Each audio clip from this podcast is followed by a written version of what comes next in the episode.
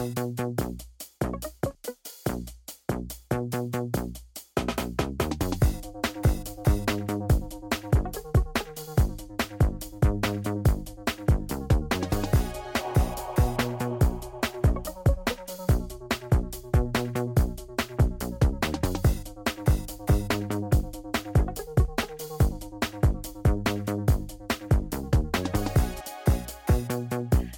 Hej och välkomna till det tionde avsnittet av podcasten Vem har rätt? En podd från tankesmedjan Arena Idé och ABF, Arbetarnas bildningsförbund. I den här podden diskuterar vi kopplingen mellan juridik och makt och skillnaden mellan att ha rätt och få rätt. Idag ska vi diskutera frågan om systematiskt polisvåld mot svarta kroppar och den internationella rörelsen som har byggts i och med polismordet av George Floyd i Minneapolis, USA. Jag heter Fatima Osman och leder den här podden tillsammans med Joanna Herskowitz. Med oss idag har vi Aisha Jones. Aisha Jones är entreprenör och aktivist, uppväxt i Vivalla och Tensta samt grundare av nätverket Black Lives Matter Sweden. Hej Aisha, välkommen! Hej, tack så jättemycket för att jag får vara med. Det känns jättekul att ha med dig. Hur mår du idag? Tack, jo men eh, jag mår bra. Eh, det är, vad ska man säga, det är lugnet efter stormen. Eh, det är ju onsdag så för mig är det en dag då jag bara chillar och tar det lugnt och njuter utav sällskap med vänner och familj och ja, som så. Mm. Jag mår bra. Vad härligt. Eh, vi tänkte börja med att fråga dig ifall du kan berätta lite om hur eh, Black Lives Matter Sweden bildades och hur och vad ni arbetar med och om ni samarbetar med Black Lives Matter USA eller Black Lives Matter i andra länder. Ja, eh, det bildades väl genom eh, min digitala manifestation som jag gjorde den 2 juni emot eh, polisbrutalitet och det våld och förtryck som svarta människor, framförallt i USA men även i Sverige och världen runt, möter i samhället. Och Eh, den digitala manifestationen blev startskottet, kanske kan, ja, blev startskottet till eh, eh, Black Lives Matter Sweden som det är idag. Och Black Lives Matter Sweden har ju nu blivit ett nätverk som består utav olika organisationer som jobbar för, för svartas rättigheter och emot det förtryck som svarta möter i samhället. Och framförallt liksom det, det, det structural, nu tappar jag ordet på svenska. Kan ja, det strukturella eh, liksom förtrycket som, som svarta möter. Och, eh, består som sagt av olika organisationer, eh, bland annat Afrosvenskarnas riksorganisation, eh, föreningen Tryck eh, också med eh, i, den, i det nätverket. Eh, och och det, det det är i Sverige och det, vi har, det jag eh, har startat är ju ett nätverk som mobiliserar och, och eh, skapar olika movements eh, digitalt, IRL och så vidare. Eh, men eh, vår, vår samrörelse med BLM USA är väl egentligen inte så mycket mer än den att vi delar eh, grundvärderingarna och med grundvärderingarna så menar jag svartas rättigheter, svartas alltså värdet i svarta liv, att det måste öka och att det måste vara lika mycket som, som vilket annat liv som helst. Vi är, vi är en, ett eget nätverk som så, så att all samrörelse som vi har med BLM-organisationer världen runt, oavsett vart det är, så handlar ju det mest om kärnfrågan, svartas liv och svartas rättigheter. Eh, sen är vi vad ska man säga, förtrycket och rasismen och det är ju alltså, det finns ju världen runt men det ser olika ut beroende på vart man är geografiskt. Eh, men också vart man är i historien och eh, både liksom eh, det landet eller det områdets historia gentemot hur man själv har tagit itu med, med sin del utav, utav rasismen men också liksom de som driver kampen. Eh, I Sverige har vi organisationer som har funnits i över 30 år. Det är liksom nästan lika länge som jag har levt. Eh, så att här har vi jobbat väldigt mycket. Vi har bra data och bra liksom så som man kan falla tillbaka på. Eh, men det är väl allt som vi mm. delar. Mm. Så Black Lives Matter Sweden, om jag förstår det rätt, är ett nätverk av olika organisationer. Eh, mm. Okej. Okay. Spännande. Och mm. vad, kan du berätta lite om den här digitala manifestationen som eh, var startskottet i, i juni? Ja, eh, jag eh, blir ju ofta väldigt arg, trött och irriterad på hur det ser ut i samhället eh, gällande människors eh, rättigheter och människors värden och, och liksom, eh, inkludering, mångfald och allt sånt. Eh, och eh, nyheterna kring George, George Floyd och, och hans, alltså mordet utav honom hade precis blivit en, en, en liten grej i media och på sociala medier. Och och jag kände någonstans bara det att det var för mycket. Jag orkade inte se en till svart människa eh, dö. Jag orkade inte se en till svart människa dö på grund av polis eller väktarbrutalitet och så vidare. Och jag orkade inte heller se världen bara stå och titta på när USA i mångt och mycket förtrycker sitt land, eh, alltså sitt lands befolkning, den svarta befolkningen lika mycket som exempelvis andra utvecklingsländer, eller vad man ska kalla det för, gör. Och hur man är så snabb med att dra sanktioner till andra länder men man gjorde ingenting mot USA. Att världen bara är tysta och ser på liksom. Mm. Eh, och det tyckte jag att, nej men nu får man svära i er podd. Ja, kör! ja, nej men nu jävlar får det fan vara nog liksom. Jag, jag pallar inte mer. Det, det går inte. Jag orkar inte förklara för mina barn längre kring rasism och hur de måste tänka på Eh, att deras hudfärg är, är liksom mörk och hur de ska förhålla sig till eh, vita och icke-svarta. Alltså, som så. Jag orkar inte. Det, är liksom, det får fan räcka. Eh, och jag tycker ju att visst, alla har åsikter om, om, om allt och ingenting. Liksom. Men jag tycker någonstans att man också måste vara beredd att vara en del utav eh, att jobba för förändring. Eh, och det är självklart utifrån vad man har för förmåga. Eh, och med förmåga så menar jag allt ifrån tid, ork, känslomässigt, alltså allt sånt. Eh, och jag kände att jag hade den förmågan att i alla fall digitalt dra igång någonting. Sen var jag inte beredd på att det skulle bli så, alltså, så stor spridning och så många som skulle engagera sig. Men jag tänkte att nej men fan, jag, jag kör ett, en digital manifestation på Facebook, jag skapar ett Facebook-event. Eh, säkert kommer väl kanske mina vänner, alltså först var det ju typ så 30 pers som hade attendat. Det var typ närmsta vännerna, familjen, mamma som alltid måste vara med på allt man gör. Eh, men eh, sen spreds ju det väl, väldigt, väldigt fort och det blev liksom 30 pers blev till några hundra pers som blev till några tusen pers som blev till, till cirka 70 000 pers eh, och mm. över 1,3 miljoner som nåddes utav liksom, eh, eventet på något sätt.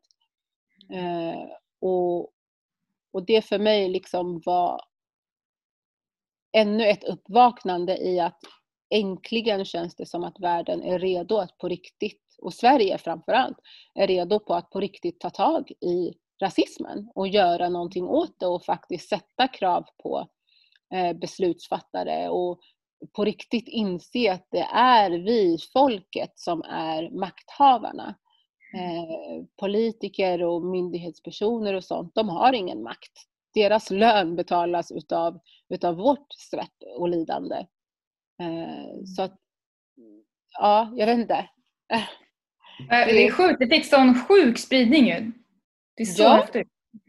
Ja, det var verkligen eh, eh, vårt event blev ju vad jag kallar för, jag jobbar inom kommunikation och marknadsföring vanligtvis, så att det blev ju en copy-paste metod eh, där andra länder, alla nordiska länderna till exempel, en fantastisk tjej som jag samarbetade med som heter Jasmin, eh, som liksom hjälpte till att mobilisera eh, alla nordiska länderna så att vi hade ju copy-paste metod på, Eh, på mitt event till alla nordiska länderna eh, och folk hör av sig nästan veckovis ifrån olika delar utav världen och säger det att Åh, vi har sett det ni har gjort och liksom, vi skulle vilja göra detsamma i Ryssland, i Litauen, i eh, Trinidad and Tobago och du vet så här, det bara fortsätter att spridas. Så att jag tror att det positiva med att göra det här digitalt är att det kan spridas på det sättet och det blir väldigt enkelt för folk att engagera sig. Mm. Kan du berätta lite mer vad den digitala manifestationen bestod av? Jag eh, bor ju i USA så att jag har missat mycket av det här men jag har hört talas om det. Men vad, rent konkret, vad var den digitala manifestationen? Ja, rent konkret så var det ju egentligen en, en manifestation, demonstration precis som vilken annan eh, IRL-demonstration. Bara det att människorna visade sitt antal genom att checka in på den amerikanska ambassaden. Eh, och, och, jag hade fått en, eh, en grafisk bild eh, designad utav en vän eh, som gärna vill vara anonym men hon gjorde den här bilden och en annan vän skickade den till mig och så använder vi den bilden som en manifestationsbild. Så att om du tänker dig att 70 000 pers står på plattan med samma plakat eh, och, och liksom kräver förändring.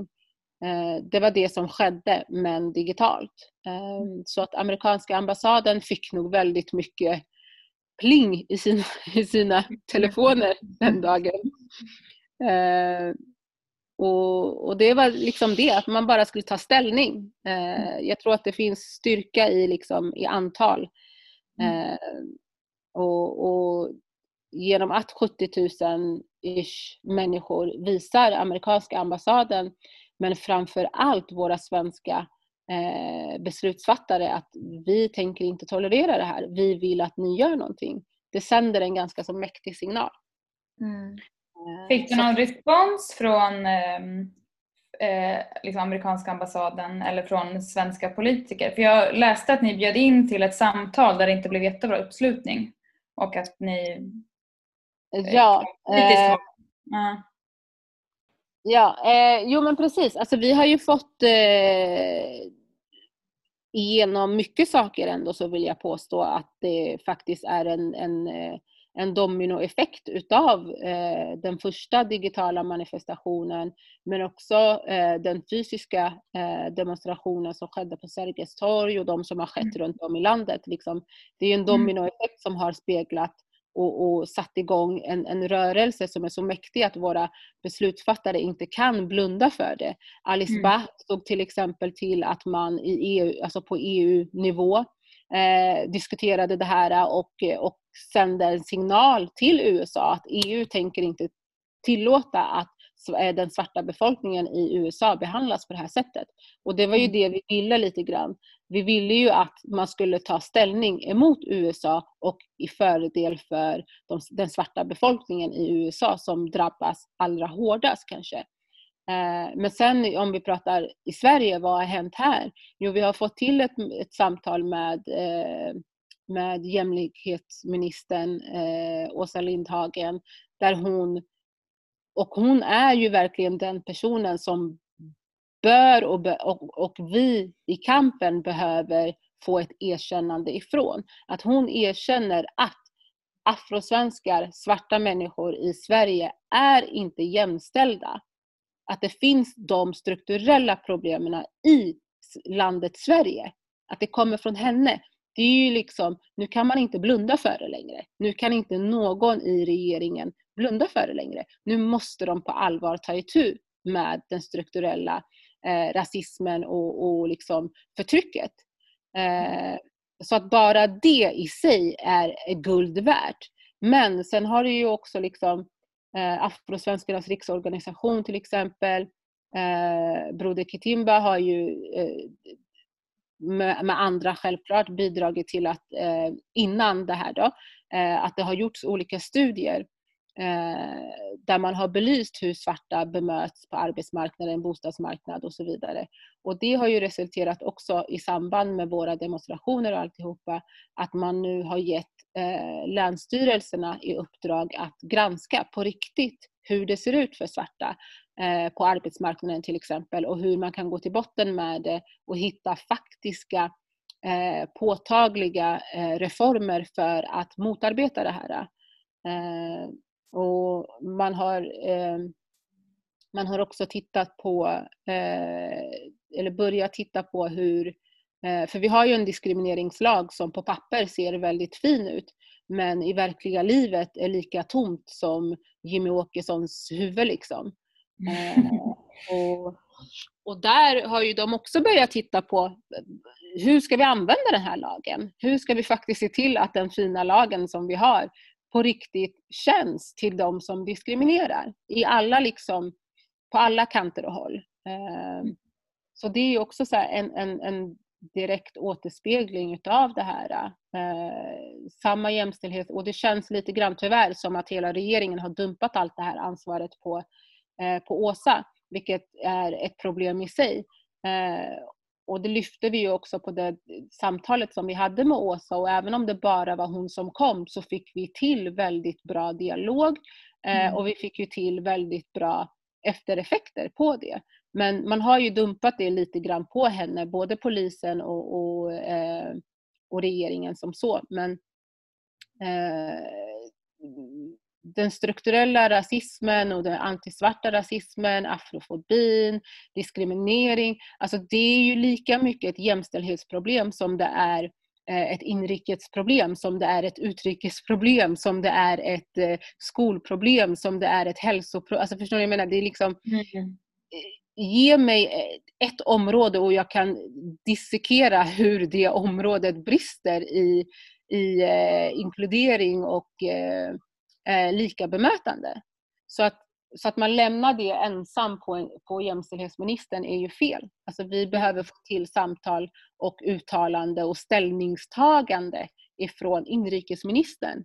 Eh, och alla liksom, hur tänker de? Ja, de har börjat titta på också eh, en lag som ska förbjuda eh, rasistiska organisationer. Och det är så här, no shit Kerstin, det här skulle ha gjorts kanske innan vi hade ett riksdagsparti som är tredje eller andra största partiet. Liksom.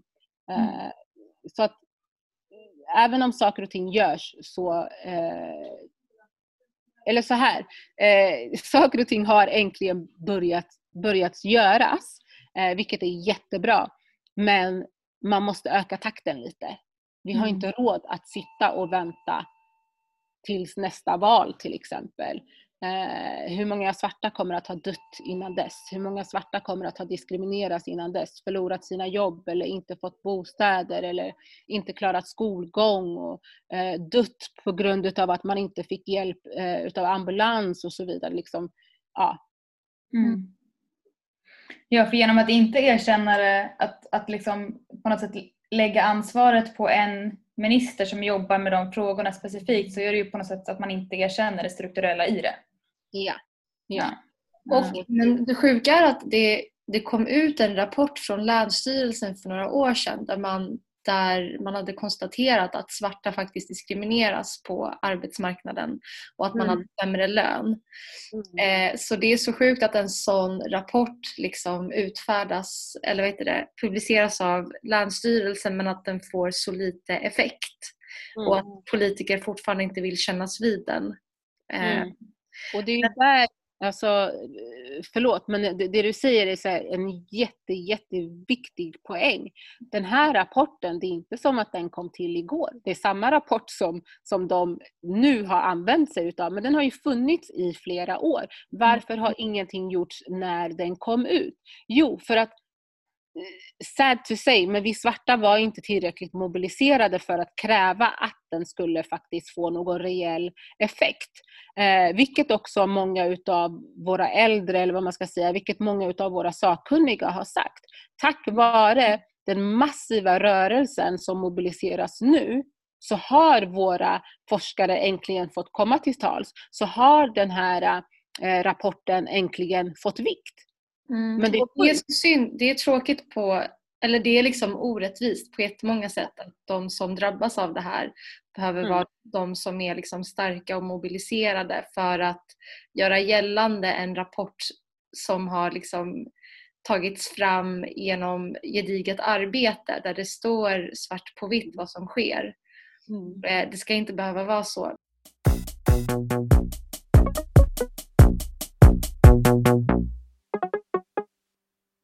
Jag tänkte backa bandet lite eh, och prata om det som hände i USA.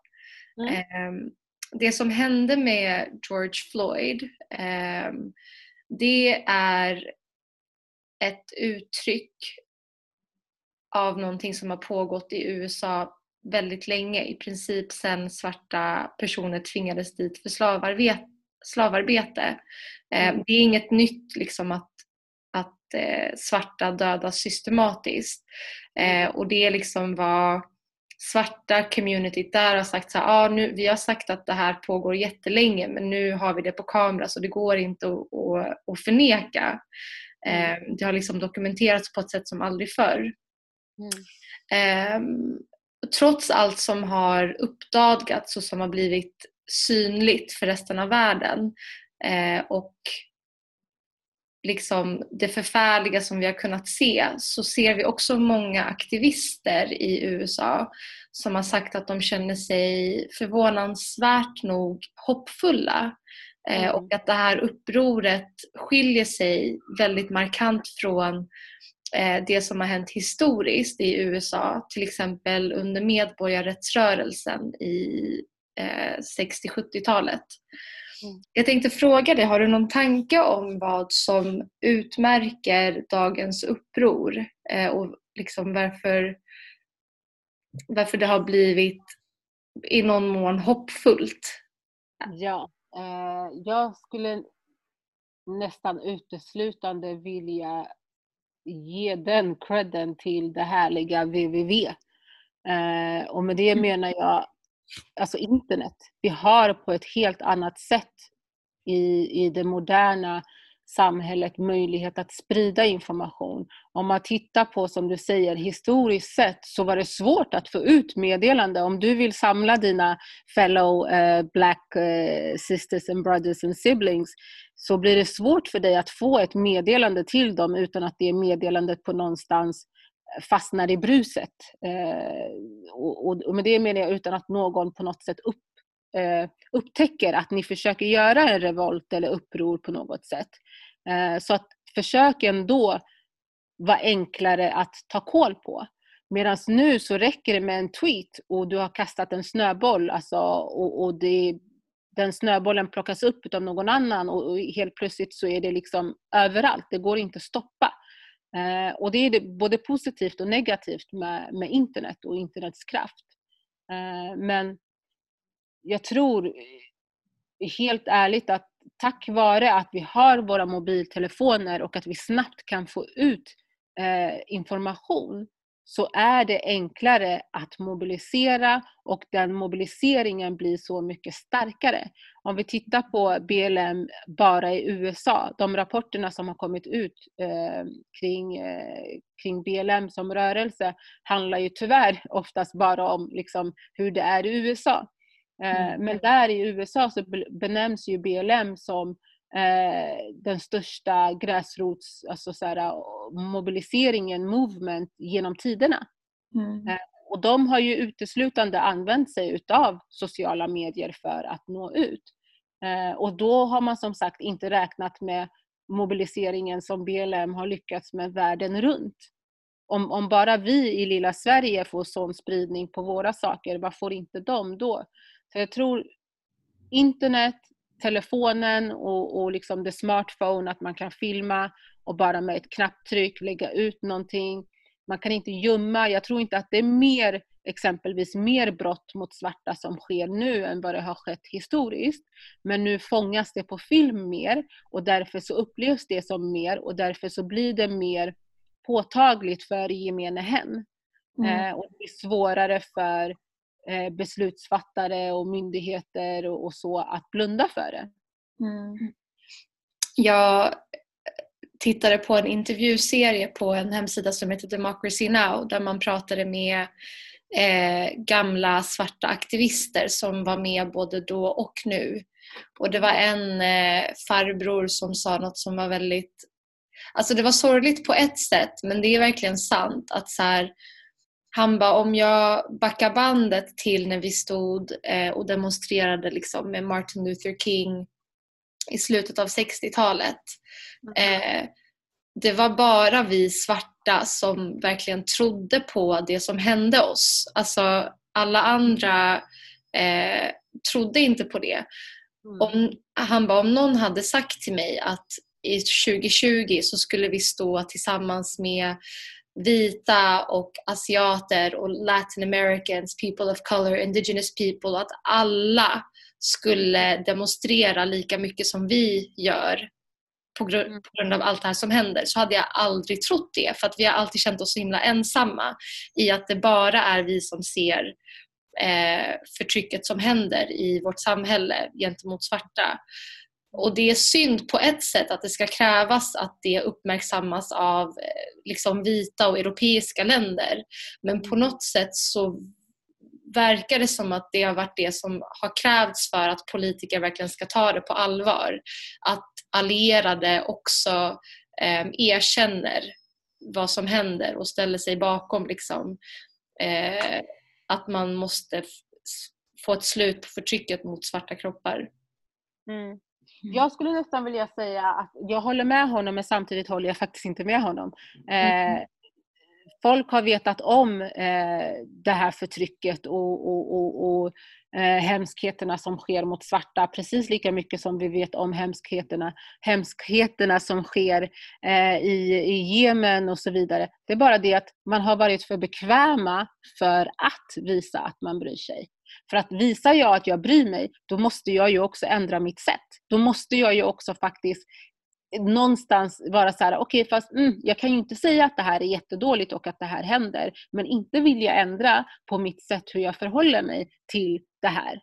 Jag menar? Så jag mm. tror inte att det är det att folk inte har, har erkänt det eller har vetat om det eller så, utan människor eh, framförallt vita då kanske har varit för bekväma för att vilja öppet säga att det här suger. Som mm. så. Eh, men sen, ja absolut, tyvärr så krävs det att allierade ställer sig, inte bakom, utan framför. Innan jag som svart människa får ett slag utav en polis eller en väktare eller whatever, så ska en vit människa ha stått där och tagit första slaget. Mm. Vi har tagit så mycket stryk i så många år så att det krävs att allierade faktiskt på riktigt blir allierade. Och det enda sättet som du kan bli allierad på riktigt, det är ifall du står där tillsammans med mig och tar fighten för mig. Mm. Det är, alltså, rasism är ju ett problem som vita har skapat. Och då mm. är det ju också de som någonstans måste dismantle the system som de själva har byggt. Ja.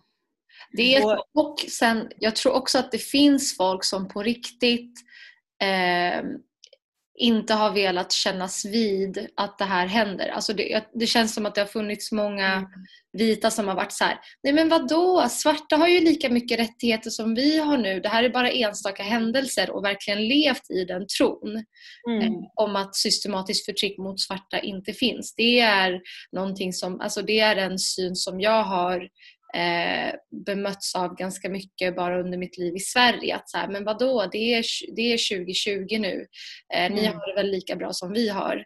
Eh, och jag mm. tror att när man ser en video på en svart man och att det har varit många liknande videos där, de, där någon säger I can't breathe. Det går helt enkelt inte längre att ta det ställningstagandet eller ha den åsikten. Mm.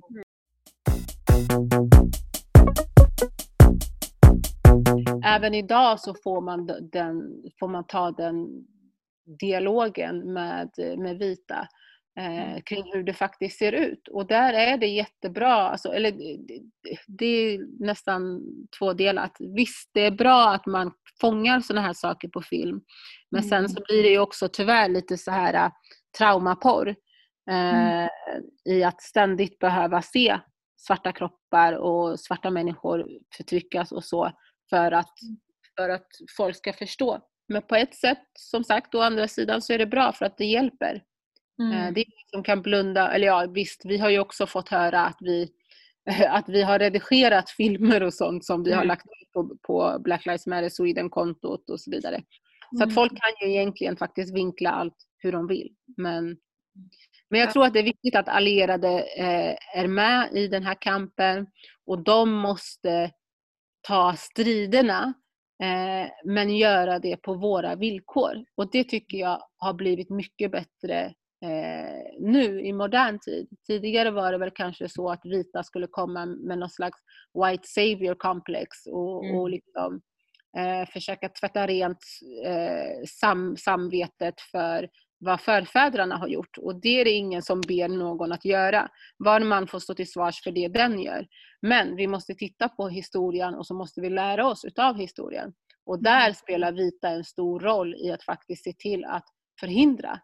Mm. Eh, hon Heidi som, som eh, har upplevt förintelsen pratar väldigt mycket om det. Man måste titta på historien och man måste lära sig utav den och sen förhindra att det får hända igen. Mm. Mm. Det är verkligen en jätteviktig poäng att svarta är, svarta är på mottagande ände av rasism. Det är mm. inte ett, ett, problem som vi har skapat men ändå har vi hittills tvingats vara de som Alltså det, har, det har ansetts vara ett svart problem att mm. rasism finns. Mm. Um, och det är, ju, det är ju på många sätt det är ett sätt att eh, fortsätta förtrycka svarta. Att man mm. tvingas sysselsätta sig med sitt egna förtryck.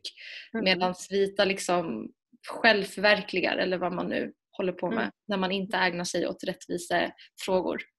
Verkligen, verkligen. Så är det.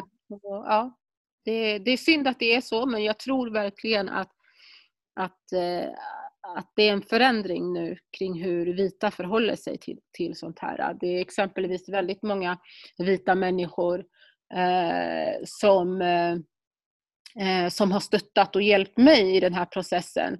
Och tidigare så har man velat, eh, jag menar inte dem, men alltså så generellt, tidigare så har vita velat ha en klapp på axeln för att de bidrar till kampen. Nu är det så här, nej, jag är bara här för att möjliggöra, säg vad ni vill att jag ska göra.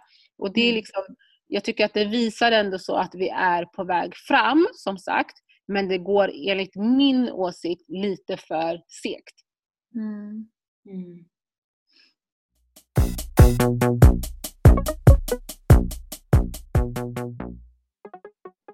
Vi tänkte också fråga dig om eh, det här som hände i, tidigare i juni där två ordningsvakter brottade ner en svart kvinna som heter Freja vid Gullmarsplans tunnelbana.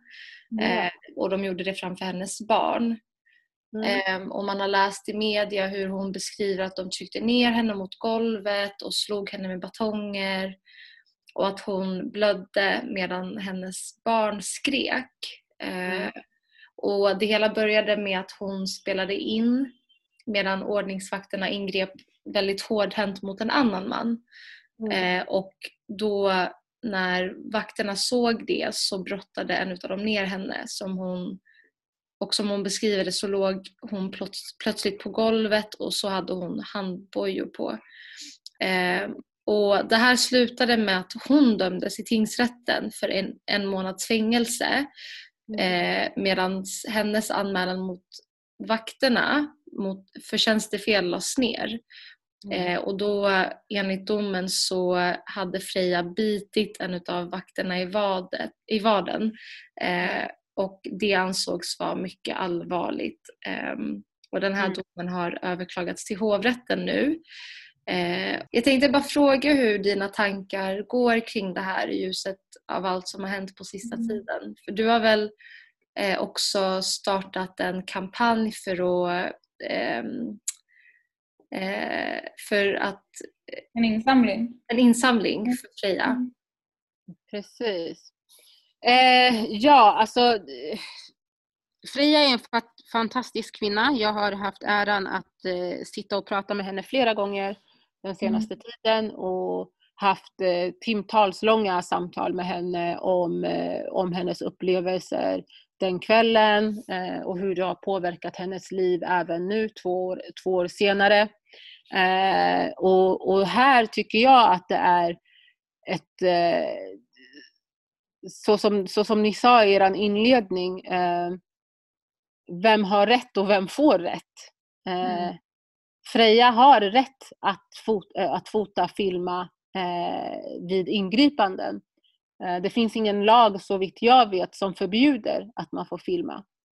Eh, och eh, de här väktarna tar sig rätten att, eh, att misshandla Freja och att tala om för henne vad hon får och inte får göra enligt deras egna uppfattningar.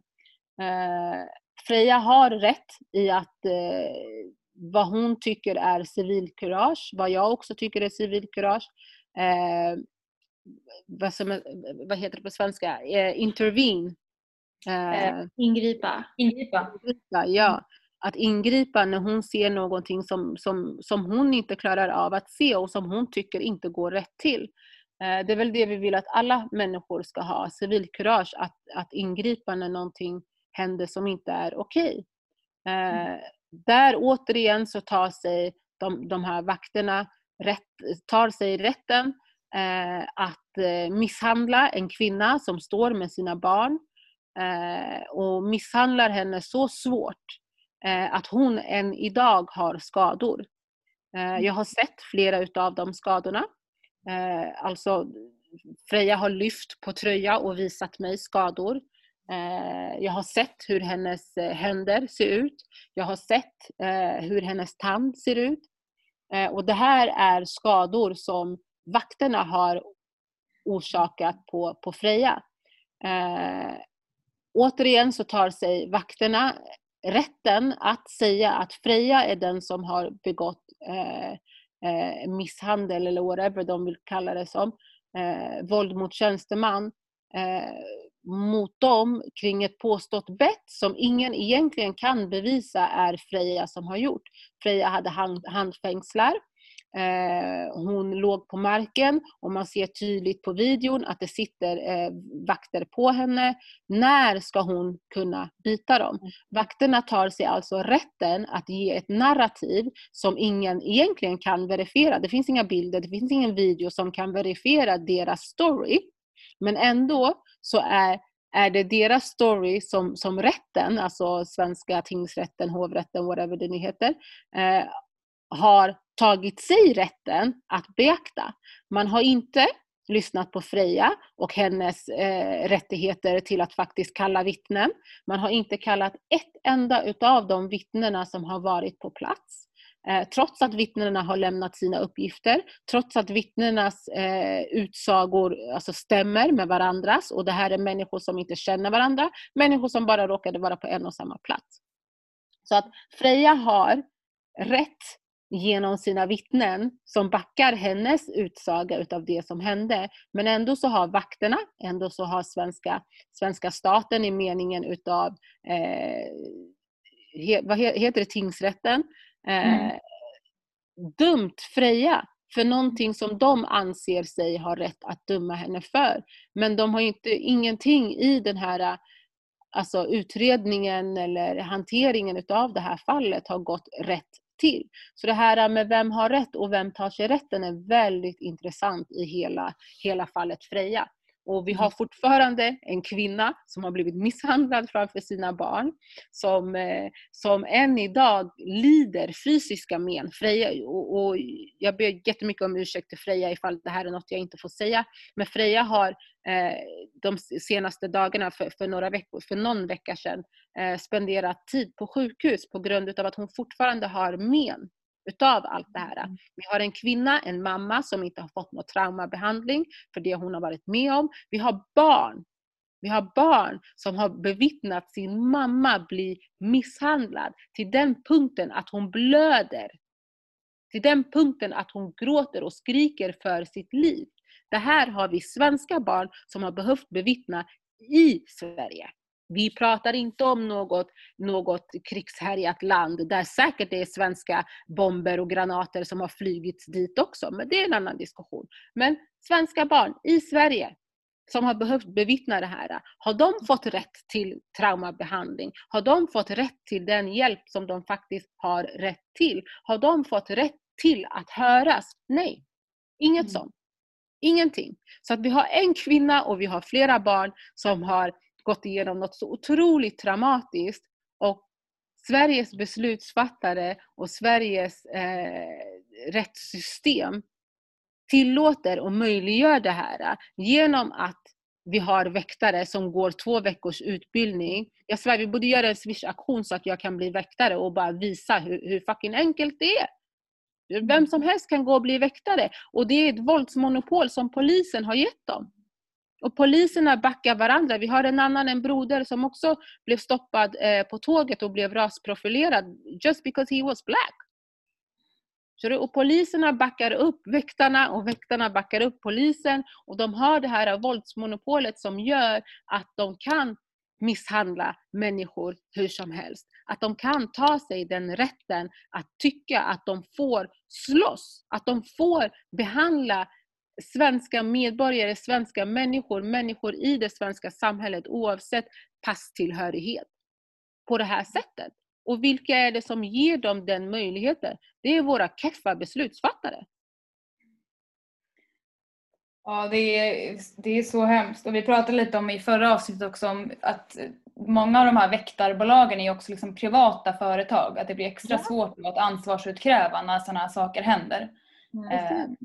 Och att det är en sak i sig som man borde titta närmare på. Liksom vilka vad ska man säga, samhällsfunktioner finns det som, som dokumenterar vad som händer och som eh, ställer personer till svars då. För då blir det ju, då blir det ju svårt om, det, om en polisutredning läggs ner Eh, vem är det då som ska stå till svars? Är det den som har anställt den här väktaren eller är det väktaren själv? Eller, så det är liksom, på det sättet blir det också väldigt svårt att eh, komma åt problemen eh, av liksom, eh, rasistiskt bemötande från eh, poliskår och ordningsväktare.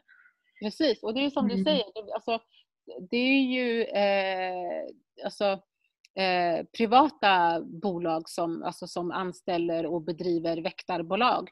Men mm. once again så är ju det på, alltså, utav mandat ifrån polisen, utav mandat ifrån eh, regeringen. Så att där är det ju ett stort haveri. När, varför har vi ens en gång väktare? Vad är det för funktion som de egentligen ska fylla? Vem är det som behöver en väktare? Vi har mm. fan morsor och farsor på, på, på stan som har gjort det här arbetet ideellt mm. i alla tiders tider och som gör det mycket bättre. Mm. Tro mig fan att jag uppför mig bättre ifall jag ser min, min, min habarier på gatan som catchar mig med, med, med en knatch eller whatever det kan vara, än ifall jag ser en, en väktare som ska komma och liksom utöva något slags eh, förtryck mot mig. Mm. Jag kommer nog uppföra mig mycket, mycket bättre utav att mm. se min habarier än utav att se en väktare som, som ska komma och tro att bara för att de har gått en utbildning som de har betalat 20-30 000 för, att de vad, har rätt att förtrycka mig. Mm. Bara för att de har en bricka på sig. Mm. Mm. Så att vi måste... Ja, det sjuka är att de inte... Förlåt, jag avbröt dig. Ja, ingen fara, ingen fara. Jag tänkte bara säga, det sjuka är att de väktarna har ofta också svindålig koll på vad de har rätt till att göra. Mm. Eh, i, liksom, i termer av våld. Mm. Och det mm. känns så ironiskt. Det känns verkligen ironiskt och tragiskt att en samhällsinstitution eh, som har upprättats för att medborgarna ska känna sig trygga gör mm. precis det motsatta. Mm. Verkligen. Och, och jag funderar också på så här, det här med att det alltid ska förespråkas icke-våld till folk mm. som demonstrerar och folk som är förtryckta, att man ska göra sin röst hörd på ett icke-våldsamt sätt. Hur skulle det mm. vara ifall vi istället förespråkade icke-våld till staten och statens mm. institutioner? Hur skulle det vara ifall vi förespråkade icke-våld till polisen och, och ordningsväktare? Det är någonting som är jätte jätteviktigt att göra för uppenbarligen så finns det inga sådana tankegångar. Mm. Ja men mm. verkligen och det är som du säger, vad, vad händer ifall vi säger till staten eller till staterna eh, runt om i världen, ni får inte eh, bruka våld mot era medborgare. Ja. Tänk, alltså, det låter nästan lite så matrix utopi, alltså, mm. ja jag vet inte. Det, det är helt sjukt att man ens en gång ska ska behöva våld för att upprätthålla mm. någon slags lag och ordning. Och, alltså, Edda Manga eh, sa det mycket, mycket bättre på en, en av våra live, livesändningar eh, kring just det här med våldsmonopolet och hur, hur allt det här hänger ihop. Och det, mm. jag tycker bara att det är så, så sjukt att de som ska beskydda oss, de som finns till, deras enda funktion är att få människor i samhället att känna sig trygga, är de mm. som gör att en stor del utav, utav eh, befolkningen inte känner sig trygga. Mm. Det är bara så här, då måste man väl ändå så titta på ifall den institutionen, det för, alltså så här, har inte levt upp till förväntningarna, har inte levt upp till sitt syfte. Då mm. kanske det är dags att börja titta på om man ska avverka skiten. Bara så I don't know. Ja men det, och det sker i USA nu. Det är jättemånga eh, stater som... Ja, kan inte du berätta om det Fatima, det som du skrev till mig förut? Det är ju så jävla spännande. Eh, ja men framförallt är det väl i Minneapolis i USA så har deras så kallad eh, City Council röstat igenom att man ska, jag vet inte vad, vad jag skulle kalla det på svenska, men defund the police. Alltså mm. avvärja resurser från polisen. Och så har de sagt att polisen bara ska ingripa i vissa situationer som är liksom av ren kriminell karaktär men att polisen inte ska vara en, liksom, någon man ringer ifall det är bara någon allmän störning. Jag, vet, jag kan inte detaljerna exakt men de här diskussionerna pågår i hela landet eh, om att man vill upprätta in, andra institutioner eh, för att skydda medborgarna än just polisen. Och det är mm. någonting som liksom Black Lives Matter har drivit jättemycket och det är liksom en grassroots eh, initiativ. Framtiden. Ja absolut. Eh, så det är, jag vet inte vad, nu, nu är det röstat igenom i Minneapolis så det kommer hända. Man vet inte än vad som kommer ersätta polisen men det är ett så starkt liksom ställningstagande mot att så här, det polisen gör det är att de använder sin våldsmonopol för att göra saker som är kriminella. Eh, de, de gör saker som är olagliga mot medborgare som i sin tur kanske triggar att den som utsätts för eh, det våldet behöver också agera kriminellt för att det, är, det kan anses vara liksom, eh, hot mot tjänsteman eh, att agera på ett visst sätt men att det är polisen som liksom sätter igång hela kedjan. Mm. Um, så jag vet inte, jag tycker att det är... Det, jag kan, när jag läste det först så kunde jag knappt tro det. Att så här, mm. Alla aktivister som Angela Davis eh, som har varit så här, prison abolitionists och liksom kämpat mot polisen i så många år. Att det, det de säger faktiskt får, ha, får konsekvenser nu. Ehm, det känns overkligt. Och det känns typ overkligt att det händer just i USA. Mm. Mm. det känns också som att vi har en sån tilltro till staten i Sverige och att många svenskar eh, fortfarande har en ganska stark tilltro till polisen. Att det är ganska långt ifrån att eh, vi skulle ha sådana diskussioner om att eh, inte ge lika mycket resurser till polisen. Mm. Jag tror lätt att sådana diskussioner skulle ändå kunna komma om just privatisering av vaktbolag. Den känns ändå som att den diskussionen är lite närmare till hands än till att typ avfinansiera polisen. Liksom. Ja, och jag tror att den, alltså, jag vill bara säga det, det hela det här med defund police handlar om är ju också att flytta kapital och flytta medel till andra samhälls, eh, vad ska man säga, samhällsområden där, mm. ja, där, där förändring kan göras i förebyggande syfte. Exempelvis mm. investera mer i skolor, investera mer i after school activities, investera mer i eh, jobb och utbildning alltså, utav även vuxna, inte bara barn. Men, men sådana saker. Eh, så jag tror att defunding the police i USA är helt rätt väg att gå och stoppa in det kapitalet för att polisen får ändå så väldigt höga kapital i USA. Mm. Eh, och sen då parallellen till Sverige. Ja, här ska vi nog kanske inte dismantle the police. Eh, men vi måste, alltså helst igår, mm. sätta stopp för väktarbolagen. Vi behöver inga väktarbolag. Vi, vi har polis och polisen fungerar eh, i många avseenden bra. Men de har lämnat över en del utav sitt ansvar, en del utav sin eh, påstådda, trodda makt till människor med kapitalistiska intressen. De har inget intresse utav att faktiskt på riktigt upprätthålla någon lag och ordning för att då behövs inte väktarna. Så att deras enda intresse är ju att skapa kaos och oreda. Så att här i Sverige behöver vi så fort det bara går sätta stopp för väktarbolag. Det ska inte finnas några väktarbolag. Det ska inte, man ska inte bara som enskild aktör kunna starta ett väktarbolag och köra hej nu ska vi gå och, och, och misshandla folk på gatan. Det mm. funkar liksom inte. Så att, mm. ja, här mm. behöver vi defund eh, väktarna. Mm.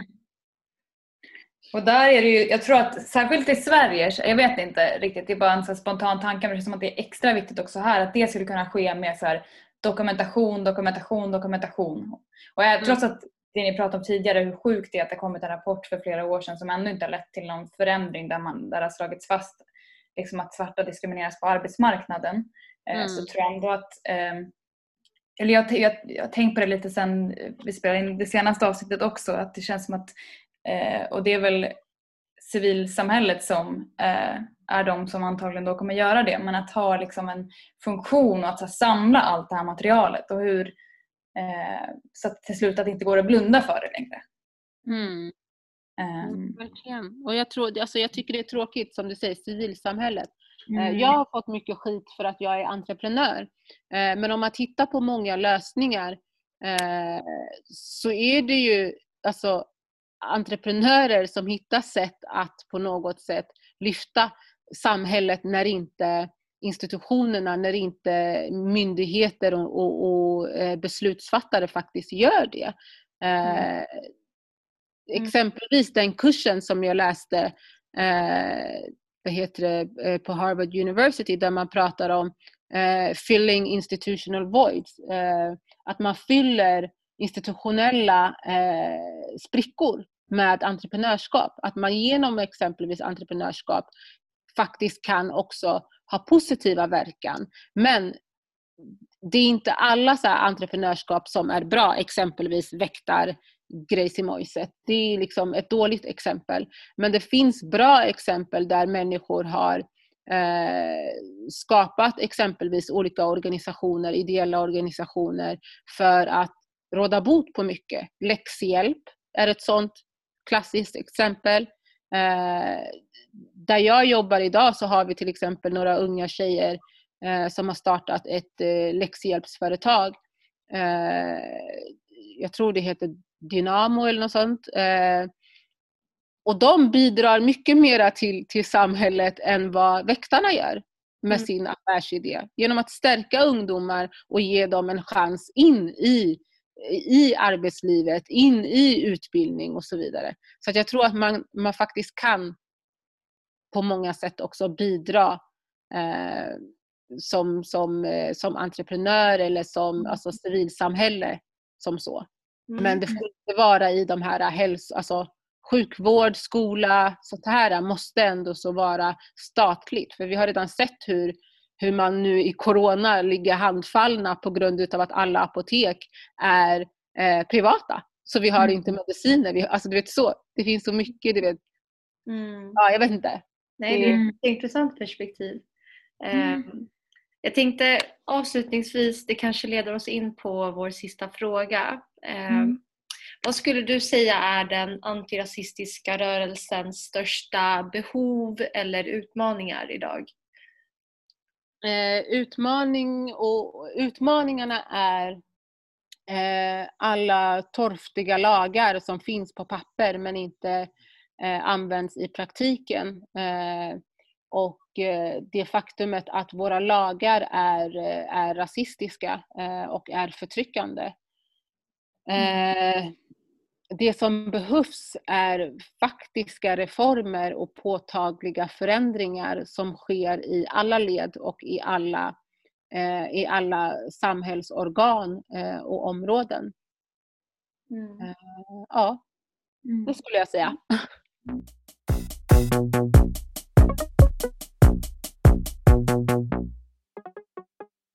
Jag tänkte bara ställa frågan, hur, hur tänker du att, eh, hur ser du vad är en bra allierad för dig? Den här frågan är ju så svår.